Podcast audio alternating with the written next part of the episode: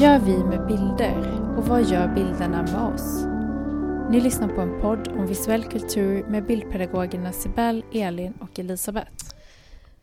Ja, hej och välkomna. Ni lyssnar på Bildpodden. Um, vi är mitt i sommaren, mitt under fotbolls-VM. typ. Ja, det här kanske typ har gått, eh, jag vet inte om det har gått någon förbi, men eh, det är lite olika eh, grader. Ja, intressegraden är lite olika i det här gänget. Um, jag är kanske lite, eh, och jag som pratar nu är Isabelle då, då men eh, jag kom precis från eh, Sverige-Schweiz-matchen, så jag var liksom lite uppe i varv när jag kom hit. För vi vann. En riktig rysare säger jag då som eh, tittade med avstängt ljud med ena ögat här hemifrån på de sista fyra minuterna. Ja. Men det var ganska mycket som hände de sista fyra minuterna, ja, eller hur? Det var en straff. Sista som hände var en straff. Det var ett var öppet mål, alltså det var ju värsta Hade målchansen vilka... och så snubblade han. Sverige en straff? Ja, men det spelar ingen roll. Ja, egentligen spelar det ingen roll, för att det var verkligen sista sekunderna. Eh, och det var också så att det drog ut på tiden för att eh, domarna behövde kolla på, extra kolla på, på fotot liksom. Eh, gjorde sånt tecken för att så här, vi måste dubbelkolla. Eh, och då bestämde de att jo men okej, det var inom straffområdet, det blir en straff. Mm. Men det spelar egentligen ingen roll om Sverige satte den eller inte, för att det var 1-0 till Sverige och slut på tid. Exakt. Och Sverige satte den inte heller, men det var ju skitsamma. Mm. Jag tycker det var ganska lyckat av mig att komprimera tiden till att ändå kunna falla in i den här fotbollsdiskussionen. Ja, jag är stolt över dig Elisabeth. Tack. Men Elin, det Elin sitter tyst där. Ja. Det är ju inte en fotbollspodd vi har så att jag... Vi kanske borde ha en... Vi kanske ska du och jag kan runda av. Jag tror, ja, precis, jag Men det är rörliga bilder. Jag brukar faktiskt ta upp fotboll som exempel när jag har så här rörlig bildkurs, grundläggande eh, film. Mm. Alltså just med olika bildutsnitt. Mm. Eh, fågelperspektiv, närbild, helbild, halvbild, hela den biten. Och så säger jag, det här använder man jämt oavsett om det är en biofilm, om det är ett Youtube-klipp, ja det beror på vilket sorts Youtube-klipp i och för sig. Eller ett nyhetsreportage eller en fotbollsmatch. Mm. Vi ser inte bara samma bildutsnitt hela tiden för det blir tråkigt. En fotbollsmatch har också massa olika och då fångar man ju fotbollsmänniskorna. Mm. Under den här matchen såg man till och med hur en kameraman liksom skakade till när det blev riktigt spännande. Eh, som att till och med de blev lite till sig. Men man tänker då så här, hur var fotbollen innan man hade kameror? Det måste ju varit mer, eh, alltså jag tänker just domarnas arbete måste vara lite svårare. Mm. Eh, det är mycket som liksom avgörs, eh, offsider och strafflägen och sånt där, just huruvida, alltså det ser man ju på kamerorna då för att man har ju flera stycken uppställda. Så det, hade varit, det måste ju varit mycket mer godtyckligt innan. Och, och sen är det ju väldigt speciellt att lyssna på en match på radio. Alltså, mm. det är ju bara folk som pratar jättefort. Mm. Jag, jag kan inte hänga med. Men samtidigt så är det kul för att de beskriver bilder hela tiden. Ja, det är målande beskrivningar mm. på det sättet istället. För det är det man får förhålla sig till. Liksom. Precis, och då när man har sett bilder, man har ju redan en bildbank liksom, så ser man ett par springande fötter. Man ser dem ju, de bilderna, genom de kameravinklar man har sett innan också. Man tar ju fram det förrådet också. Eh, och får föreställa sig och använda sin fantasi. Så då undrar man ju hur en radiofotbollsmatch skulle te sig i en, en bildfri eh, i en bildfri hjärna. Hur skulle det se ut? Någon har ju säkert alltid sett en match, men då skulle man kanske Eller ta det från den visuella... Någon som är blind, som aldrig sett en fotbollsmatch, bara hört på det. Ja. Det skulle vara jätteintressant att föreställa sig hur, hur man då uppser bilden framför sig, eller ser matchen. Mm.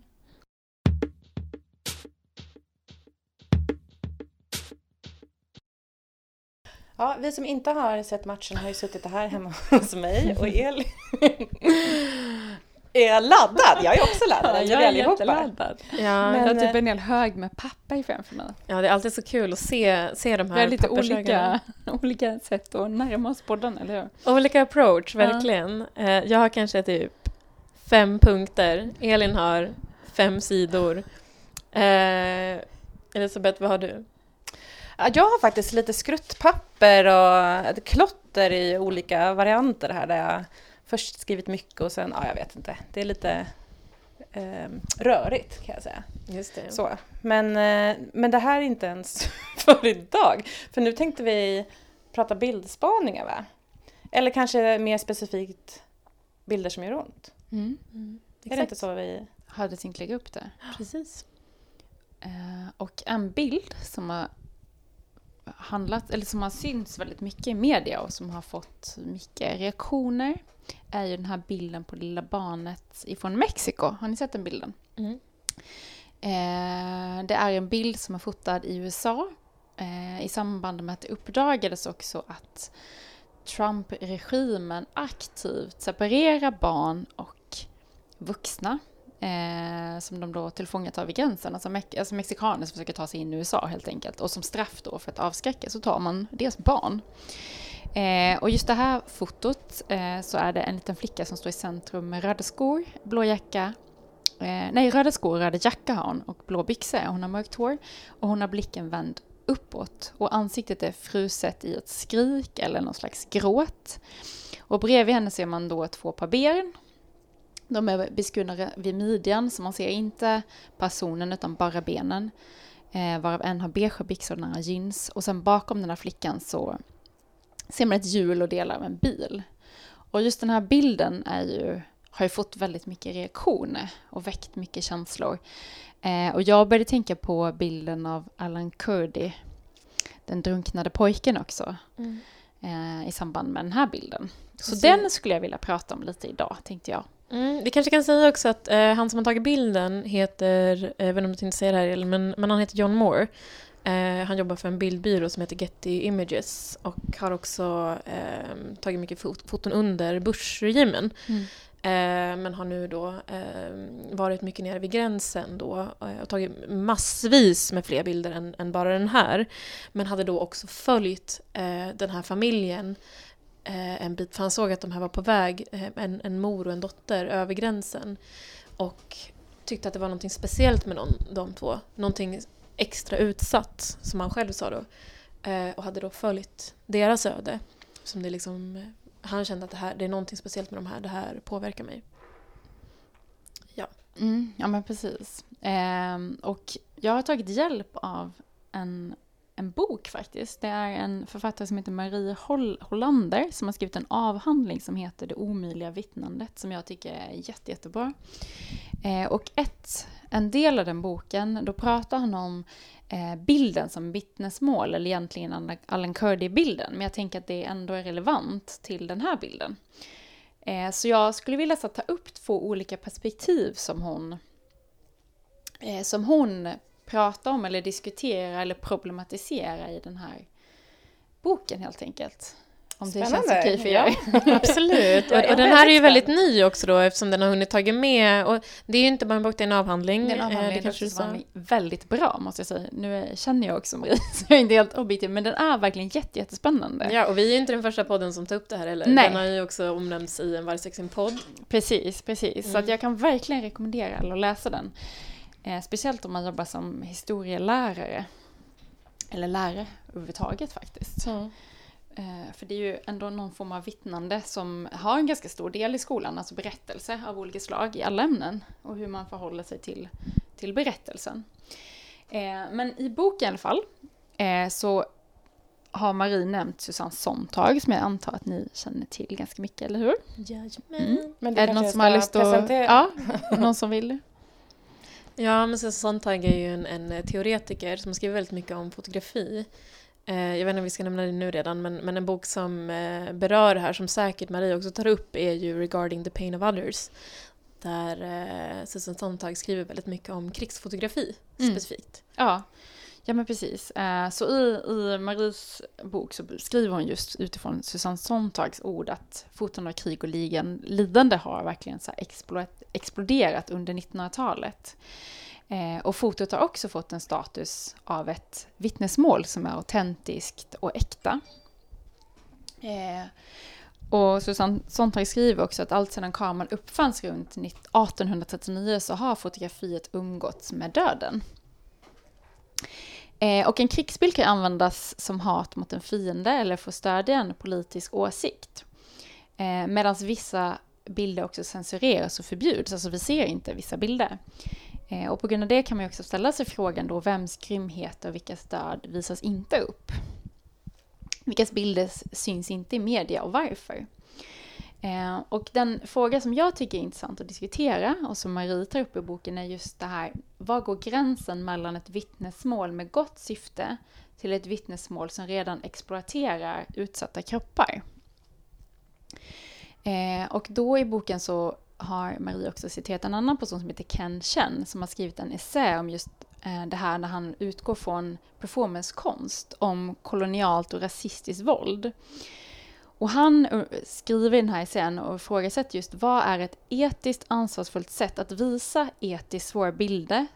Alltså bilder som visar våld, lynchningar, döda kroppar och så vidare. Eh, och hur kan vi visa den här typen av bilder utan att enkelspårigt repetera våldet som vi ser på bilden och förpassa bilden till klichéer? Och i förlängningen också gör, som kan i förlängningen också göra oss avtrubbade. Jag tänker på det våld som man ser på Youtube exempelvis.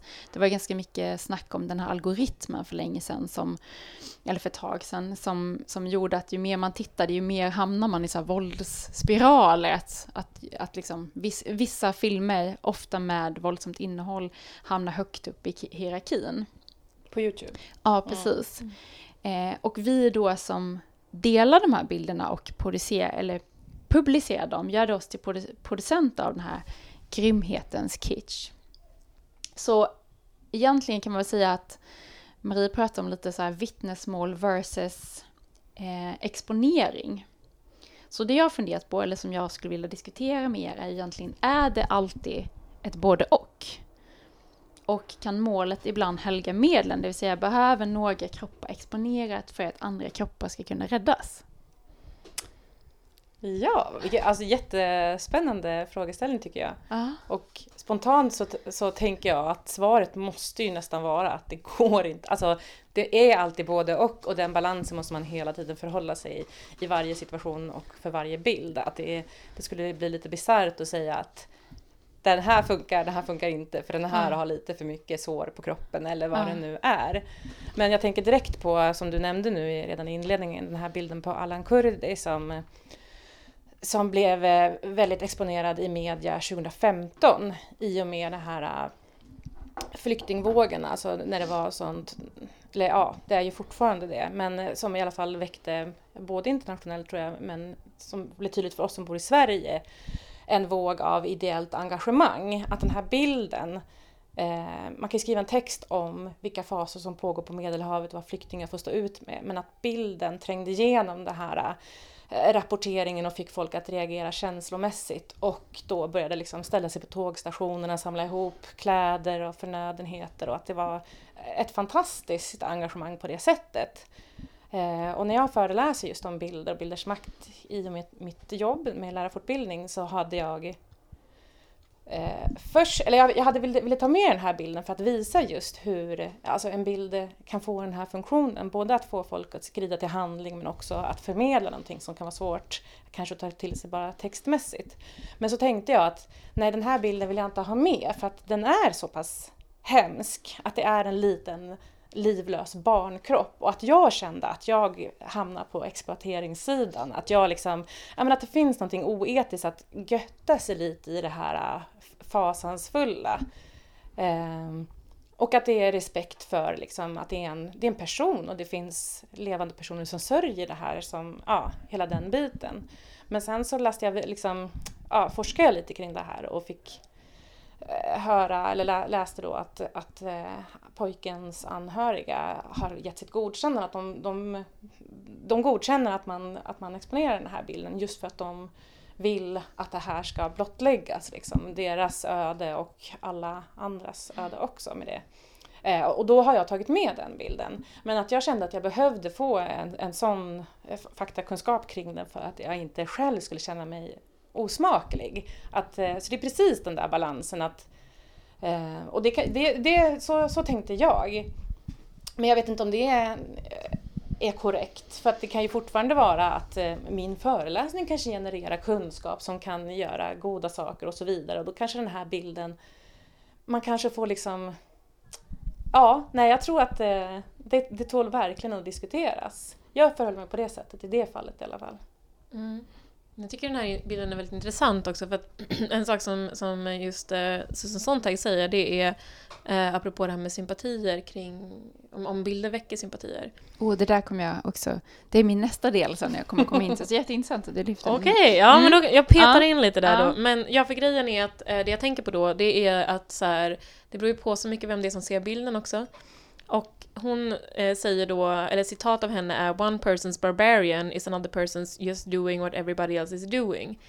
Eh, och hur den här bilden har då använts både som en slags skapare av sympati, ehm, eh, en önskan om sympati från omvärlden. Då kan man ju fråga sig också vad den sympatin gör, om sympatin egentligen kan bli en, en slags vägg eller ett skydd också, eh, som, som, gör, som rentvår ens samvete. Att det gör att man inte är en, en medhjälpare till det hemska som händer i världen. Att, att ens känsla av sympati skyddar en själv, så att säga. Men vissa känner inte heller sympati eh, utan ser den här bilden och ser eh, ett medel för propaganda också. Mm. Misstänkliggör bilden. Mm. Det var ju om det var hög, högerextrema sajter som tog upp just det att eh, man, man hade då så att säga hittat bevis för att Allans kropp var flyttad flyttad, bilden var arrangerad och så vidare. Och Isis har också använt just bilden av Alan Kurdi som propaganda. Precis, den finns liksom som, som graffiti liksom på, på stora mm. väggar. Mm, för att visa vad som händer om man flyr. Precis, ett avskräckande för liksom det här händer med era barn om ni, om ni försöker fly. Mm. Eh, så det kan ju gå liksom åt, åt båda hållen och det är väl det som är lite intressant också eh, kring sådana sympativäckande bilder att det eh, man vet aldrig riktigt var de tar vägen. Liksom. Eh, eller vilka syften de används.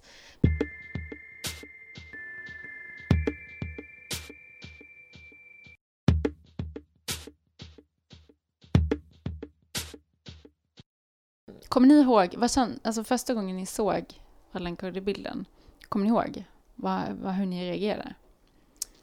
Ja. Alltså den är ju ganska direkt. Eh, men, men samtidigt så är den inte, den är liksom inte ett, eh, ett, snapshot ur krigets hetta, eller man ska säga. Den är liksom inte en pojke som drunknar. Så att jag tror att det är också en viktig del i den här bilden, varför den har blivit så stor, varför bilden på den här lilla mexikanska flickan också blir stor. Det är för att det är så mycket som lämnas utanför, utanför utsnittet som gör att vi måste använda vår fantasi för att liksom lägga Men alla, alltså, Allan Kurdi ligger död? Precis, men vi ser inte när Nej, vi ser drunknar. inte när, ja, döds dödsfallet. Ja, det, är så det skulle kunna vara en, en, pojke som ligger ner på en strand ja, och sover. på ett konstigt sätt. Precis. Ja, för han har också, vi, vi får mm. inte se hans ansikte. Nej, han ligger bara... i framstupat sidoläge ja, lite men så. Men ändå så är det, jag, jag tror nästan att jag minns första gången jag såg mm. det, men jag kan inte säga exakt. Men just det här att man drabbas så hårt av den bilden. Fast man, även fast man inte får ett ansiktsuttryck och att den är ganska... Mm. Eh, men det är ju någonting med den som gör att den blir så oerhört mm. stark. Mm. Att han både kan vara levande och död, tänker jag. Men att man får lägga till just så här, tänk om det här var Alltså just att mitt man måste barn, göra det nära. Precis. Jag om det var mitt barn. Precis. Mm. Eh, och så får man liksom... Ja, men att det finns något allmängiltigt över den och att den är ganska renskalad. Det är de blå byxorna, den röda tröjan.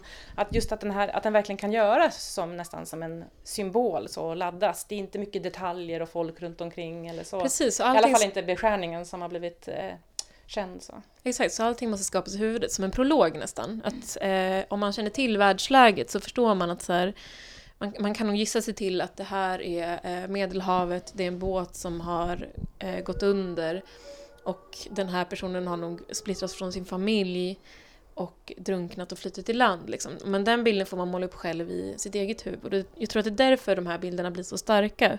Att man får lägga till, som Mexikobilden där man ändå ser ett ansiktsuttryck, mm. men man får liksom lägga till prolog och epilog i huvudet själv.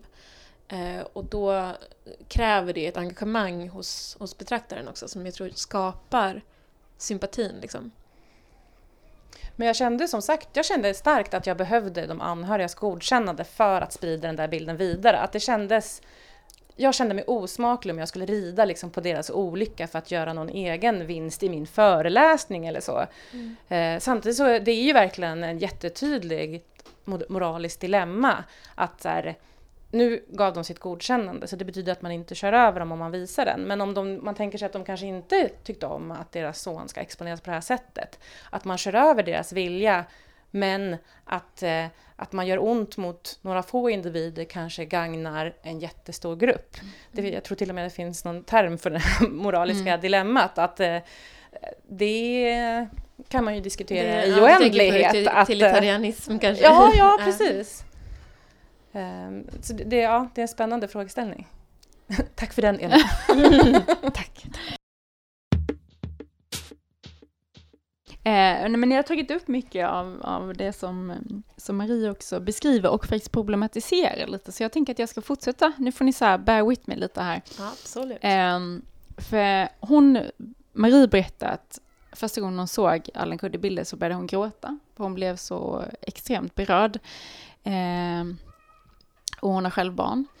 Eh, och det hon frågar sig i den här avhandlingen också, vad gör vi med de här känslorna? Eller vad gör de här känslorna och vad ska vi med de här tårarna till?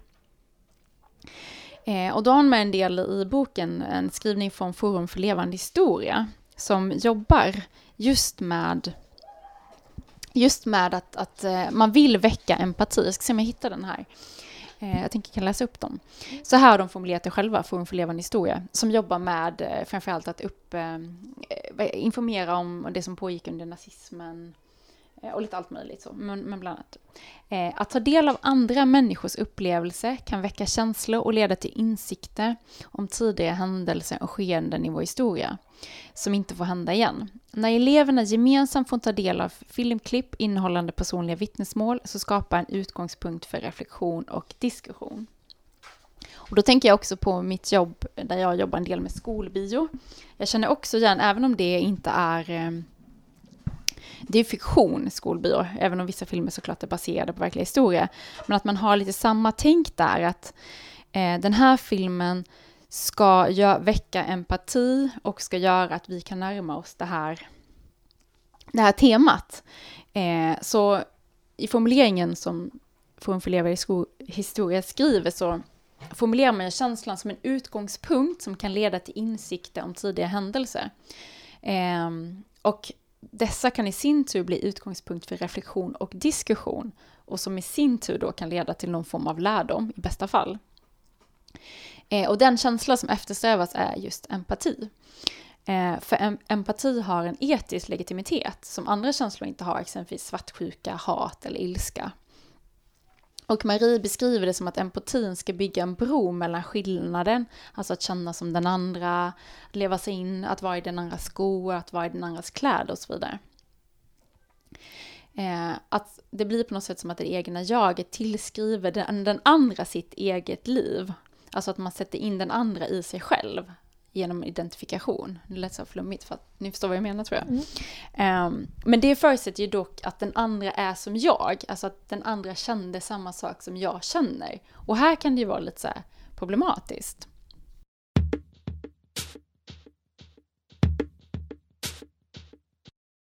Och en annan aspekt av det som Marie beskriver med hjälp av Sarah Sara eller Sarah Ahmed som har skrivit en bok som heter The Cultural Politics of Emotions de är att känslan, även när vi säger att vi känner samma känsla, empati, att man blir ledsen och så vidare, så kan ändå känslan upplevas på olika sätt.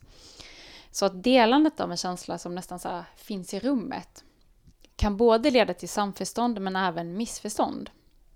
Så den upplevda känslan kan delas, men det betyder inte att vi alla har samma relation till den här känslan.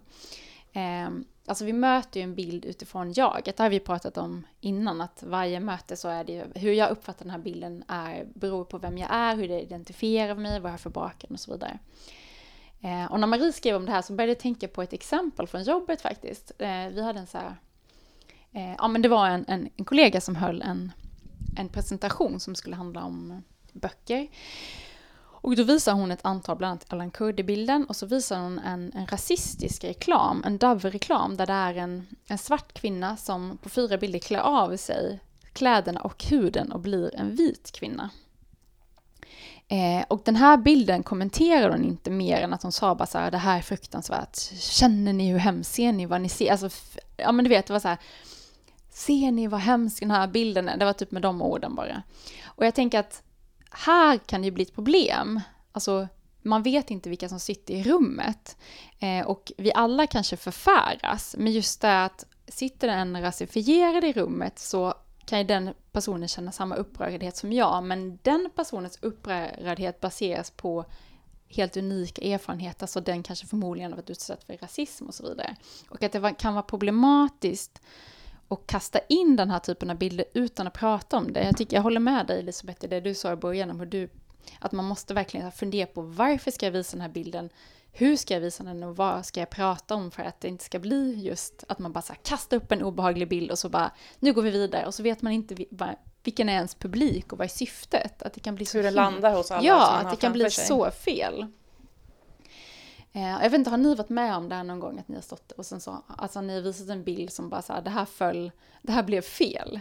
Jag har inget sånt exempel eh, rakt av sådär, men Ja, det känns som jag har, men jag kan inte komma på. Men... Ja. Mm. Jo, men absolut. Alltså, jag vill inte gå in på för mycket detaljer, liksom. men jag tänker typ att man kanske utgår ibland som lärare som att, eh, eh, att man har ett konsensus av antirasism i ett klassrum till exempel.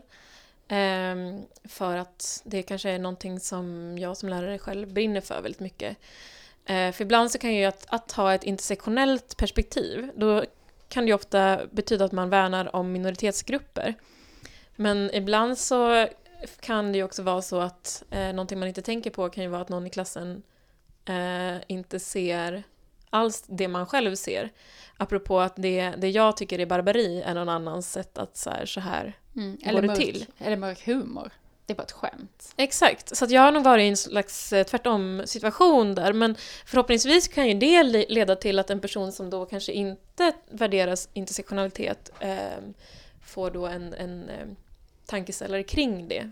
Förhoppningsvis, för jag vill ju inte gärna heller ta hänsyn till att folk ska få ha sina eh, odemokratiska åsikter hur som helst. Um, och någonting som Susan Sontag säger också, eh, apropå det här med Marie, det som Marie pratade om, är att, eh, att det här med medlidande är så himla eh, fragilt. Mm. Eh, och att liksom Ja okej, okay. man kanske skapar medlidande, man kanske, känner, man kanske skapar en, en initial känsla av medlidande. Hur ska man bära det vidare sen då? Hållbarheten, exakt. Precis, för det är en så flyktig känsla och eh, det måste nästan beskrivas som... Eh, det måste handla om görande sen. Som du nämner också Elin, att så här, i bästa fall kan det skapa eh, eh, omvärderingar och så vidare. Men det kan lika gärna, om det släpps fritt och utan att följas upp, så kan det bli en känsla av vad kan, jaha, men vad kan vi göra, vilka nu vi är? Eller vad kan de göra, vilka nu de är? Och, och då kan det snarare, eh, om det används lite mer slentrianmässigt så kan ju känslan av empati nästan också bara skapa en apati. Mm. Och då tänker jag på miljöbilder när du säger det. Mm. Så klimatbilder av klimatförstörelse som, som jag själv kan uppleva att det är så jobbigt att ta in så jag, jag bara så stänger av det. Att, det. att man blir lite så här avtrubbad istället. Att man, så här, man slår det ifrån sig för, jag, för det är för jobbigt att tänka på. Så det tänker jag finns en fara. Och också det här repetitionen kan skapa liksom en, en slentrian. Det blir bara en stereotyp, en kliché som man bara... Precis, det blir normalisering ja. av, av våld eller av miljöförstöring eller vad det nu kan vara som är den jobbiga, eller den bilden som gör ont. Men eh, nu måste jag höra, för att eh, i Maries avhandling där så har hon en paroll just det här kring, jag tänker det du beskrev där kring ja, men Forum för levande historia, när man pratar om nazismen, det här att, att få elever att känna empati är någonting bra. Mm. Och det känner man ju igen och det tänker jag ju mm. spontant att ja, men det är ju det vi är ute efter. Mm. Eh, så det är väldigt spännande att hon problematiserar mm. det. Ja, det tycker jag också. Eh, vill du utveckla det? Eller? Eh, ja, jag ska fortsätta lite, lite grann till ska jag fortsätta. Eh, men en, sak, för en annan sak som jag fastnade på mycket i det här kapitlet som jag läste, jag har ju som sagt inte läst hela boken, vilket jag tänker göra, men jag har inte gjort det ännu. Eh, och det var just att Eh, att, vittnesfå, att vittnesmål då i form av foto eller rörliga bilder, eller jag tänker också på så här kändisar som åker till så här fattiga länder på rep reportage. Kan ni se de typerna av filmklipp framför er? Mm. När det är så här galor. Att det också blir en del på ett sätt, alltså, eller så här.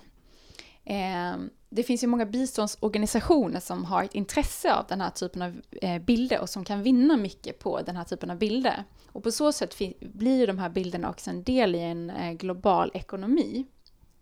Så vittnesmålet, eller den här typen av bilden, blir en vara kan man säga. Och även på ett sätt också någon slags fetischerande. Eh, och det här har ju med makt att göra och också fördelning av makt. Alltså vems lidande visas upp och vems lidande visas inte upp. Eh, och det finns ju fler exempel på det. Jag tänker så här, var 94, Rwanda, stora liksom eh, det stora massmordet som pågick där. Vi såg ju nästan inte bilder därifrån. Jag tänker på det som pågår nu med, vad heter, de, vad heter den gruppen i Burma? Eh, Rohe... Rohingya. Ja, det är ju inte många bilder därifrån heller. Eh, man har berättelsetexter. Eh, men det finns ju inte den, mycket av den typen av visuella vittnesmål. Eh, och jag tänker också det lidande som vår krigssport, vi som vi i Sverige faktiskt är. Den typen av bilder, alltså det lidande, det vittnet, eh, de vittnesmålen, de ser vi inte heller. Så att avsaknaden av vissa typer av vittnesmål och vem väljer ut vilka vittnesmål som är värda att visas. Det tycker jag är jättespännande att tänka på och att det också kan ha med ekonomi att göra.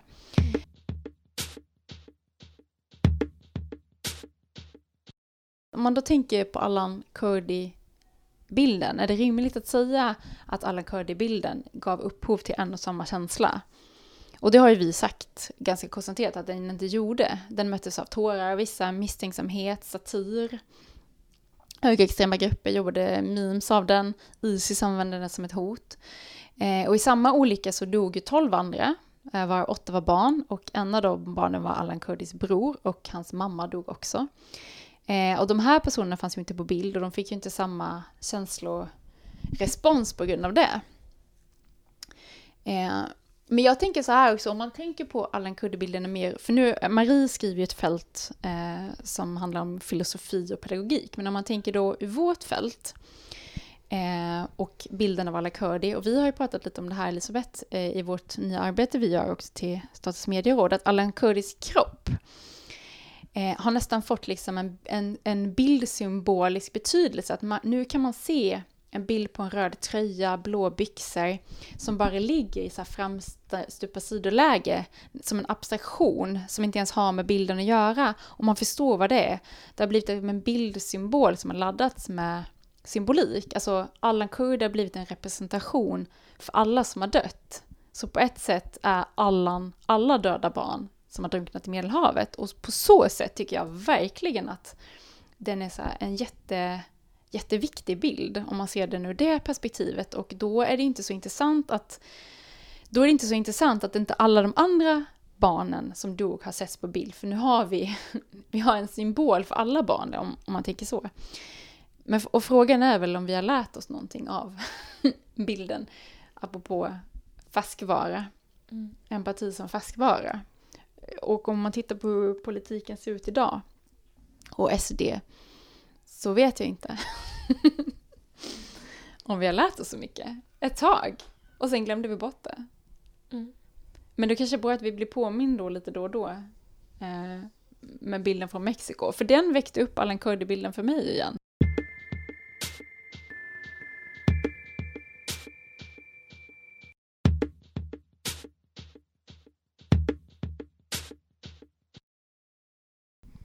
Men just den här äh, att äh, empati inte bara är någonting bra. För jag tänker ju så här, äh, nej men om man jobbar på förskola, alltså det man måste lära barnen är ju att känna empati. Så här, slår du den här kompisen så blir hon ledsen. Alltså hela den där biten. Att empati är något vi måste lära de unga liksom. Så att det, man blir förvånad när man då hör att det inte är någonting bra.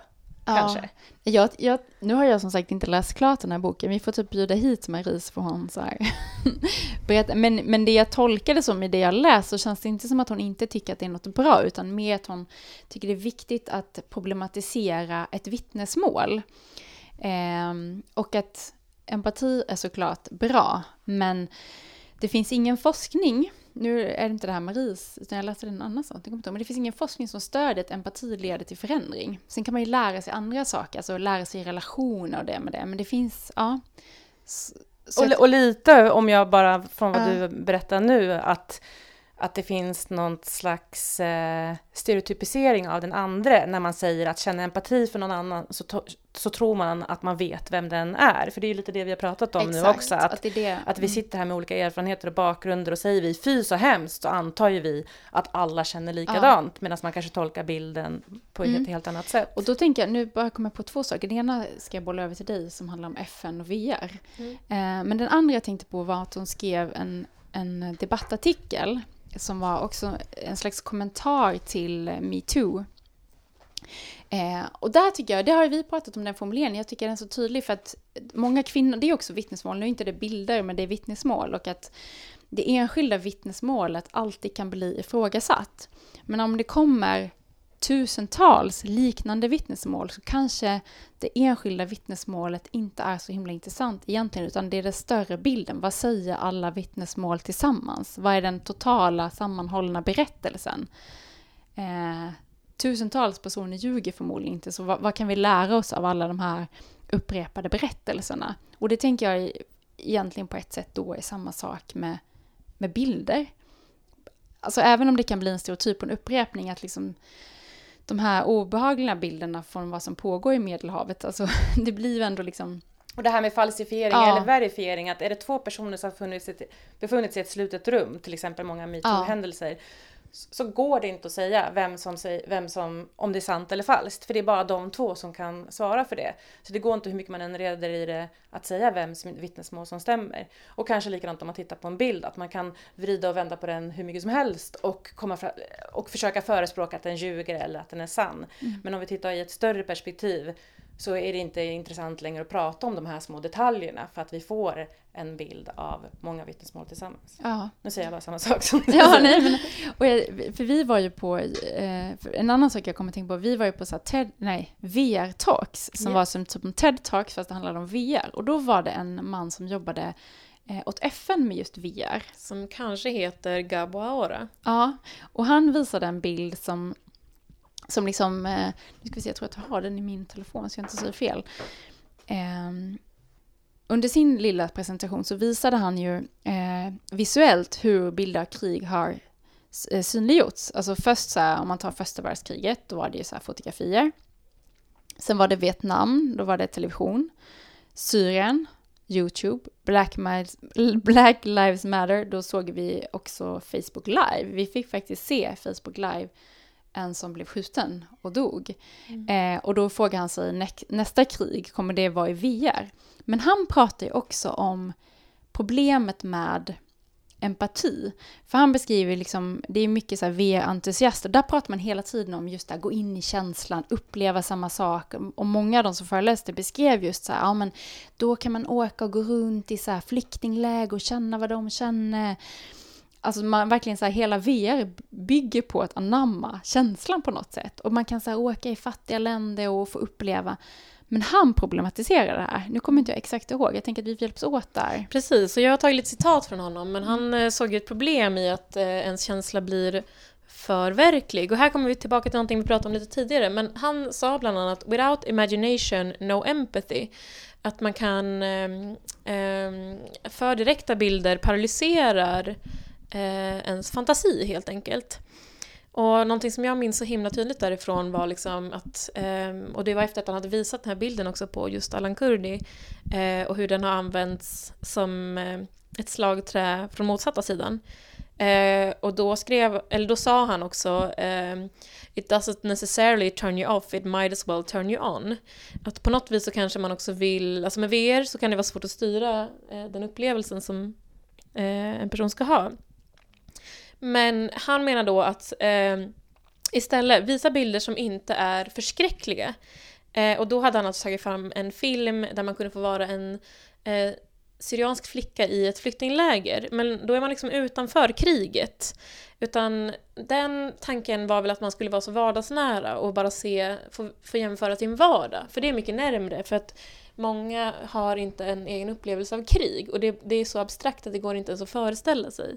Men vi har alla en vardag. Och att bara se hur det är att laga mat i ett flyktingläger. Eller hur det är att eh, eh, leka med sina syskon eller eh, ta hand om sin mamma. Det kan folk relatera till och det tyckte han var en mycket eh, starkare, ett starkare verktyg för att skapa empati.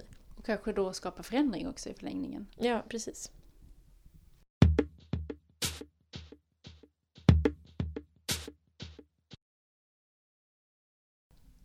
Ska vi summera vårt avsnitt kanske? Vi har pratat om bilder som gör ont och Elin har ju haft en, en monolog. en monolog här. Nej, Elin har haft sin time to ja. shine. Vi började i den här eh, bilden från Mexiko, om, eh, eller gränsen mellan Mexiko och USA, um, om hur barn skiljs från sina föräldrar och så har vi pratat om Alan Kurdi. Um, och vad är det vi har kommit fram till? Alltså, din fråga var ju det här om... Den första frågeställningen handlar just om så här, vittnesmål versus exploatering av Just kroppar. Det. Och då sa jag ganska direkt att det finns ingen tydlig gräns utan det här är någonting man måste förhålla sig till hela tiden när man mm. visar bilder. Mm. Jag vet inte om ni håller med? Nej, För jag... vi har också tangerat lite det här att det kan leda mm. till någonting större gott om man faktiskt får fram såna här bilder som folk reagerar på och, mm. och skrider till verket för. Nej, men jag håller nog med, men jag tycker, det var precis som du också poängterade, att jag tycker att man verkligen ska fundera igenom varför man visar vissa bilder, alltså syftet så att man inte slentrian visar bara den här bilden är poppis nu, så nu visar jag den också. Eh, men sen tänker jag att det finns en annan typ av bilder som är mer problematiska. Alltså bilder på eh, Youtube exempelvis som sprids av så här halshuggningar, alltså den typen av skräckpropaganda där man verkligen så här först ser en kropp skändas och sen så skändas den vidare genom spridning. Där eh. kanske vi har ett tydligt exempel när man faktiskt inte, alltså ja. det fyller inte ett syfte, Nej. något gott syfte. Nej. Utan det blir det här exploaterandet. Ja, så det känns lite som att det är så bild för bild. Man bild måste... för bild. Man måste, och, att det har så himla mycket att göra med liksom kontext. Hade den typen av filmklipp visats i en helt annan kontext så kanske den hade kunnat göra nytta. Så det är ju, vem Men... är det som delar, vem är avsändare, vad är sammanhanget, vad är syftet? Allt, jag tänker att det hör ihop jättemycket med och vi kommer ju hela tiden tillbaka till att ja. vi måste ta bilder på allvar. Man kan inte bara visa upp det som en illustration eller som någon snackis utan vi måste ta bilder och bildspråket på allvar och fundera på djupet bakom en bild och vad det är det förmedlar. Mm, och konsekvenserna också. Jag tänker att det är just väldigt intressant just det här med avsändare och mottagare.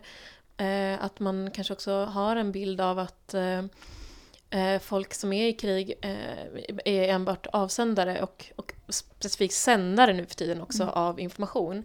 Men den här informationen sprids ju också bland folk som är i krig. Och eh, nu kommer jag in på någonting lite nytt här men jag tänker att eh, det är en konstnär som heter Rabi Meroueh som också har gjort en, ett konstverk om just eh, hur det kan drabba en person som faktiskt filmar på plats i Syrien mm. och blir helt avtrubbad när en soldat riktar ett vapen mot den här personen. Eh, för att man nästan har som en utomkroppslig upplevelse där man inte, alltså där man är så mycket mitt i mediet. Eh, för att man står och filmar med en mobilkamera. Så att man är både sändare och mottagare samtidigt och kanske glömmer bort att ens värna om sitt eget liv. Och vi har också berört det här med empati som mm. du tog upp. Och, och då får vi väl ändå understryka att det är väldigt bra att kunna känna empati och att det är en viktig, en, en viktig sak. Men att man kan faktiskt problematisera det att att prata om det också slentrianmässigt kan göra att man stereotypiserar den andra och tror sig mm. veta vad den upplever och känner. Precis. Och precis likadant att när man visar bilder behöver fundera vilka man har framför sig och inte ta för givet att de heller läser av bilderna. man och även om vi alla sätt. känner, ser Alan Kurdi och blir väldigt påverkade så så är det ju ändå upplevelsen av en känsla kan upplevas olika. Jag menar, det, ja, men under våren har jag haft väldigt mycket elever som förmodligen har gjort samma resa över Medelhavet. Och eh, att visa Allen Kurdi-bilden för dem kan ju få en helt annan inne, innebörd än att visa den för eh, andra elever. Så att verkligen, att verkligen fundera igenom vilka har jag framför mig? Vad finns det för erfarenhet i det här rummet? Precis, och där kommer vi in lite på att eh, det kan vara ett bra lästips med Sara Ahmed. Hon är väldigt bra på att ha intersektionella perspektiv, både eh, här då, då i Politics of Emotions, men hon är också jättebra på att införa queer-perspektiv i också att, eh, i seende av bilder. Mm. Och så vill jag slå ett slag för Marie Hollandes, Hollandes eh, avhandling. Det, Som heter? Det omöjliga vittnandet. Och med Eller det omöjliga vittnesmålet. någonting av det. det ni kommer hitta den om ni söker bara Libris eller någonting. Den är också jättespännande. Jag ska läsa klart den också. Marie. Och med det så säger vi tack för att ni lyssnade. Ja, tack för att vi, ni lyssnade. Det blev ett tungt tema idag, eh, men väldigt intressant. Eh, och kul att höra era tankar också. Tack för oss. Tack, vi hörs. Hej.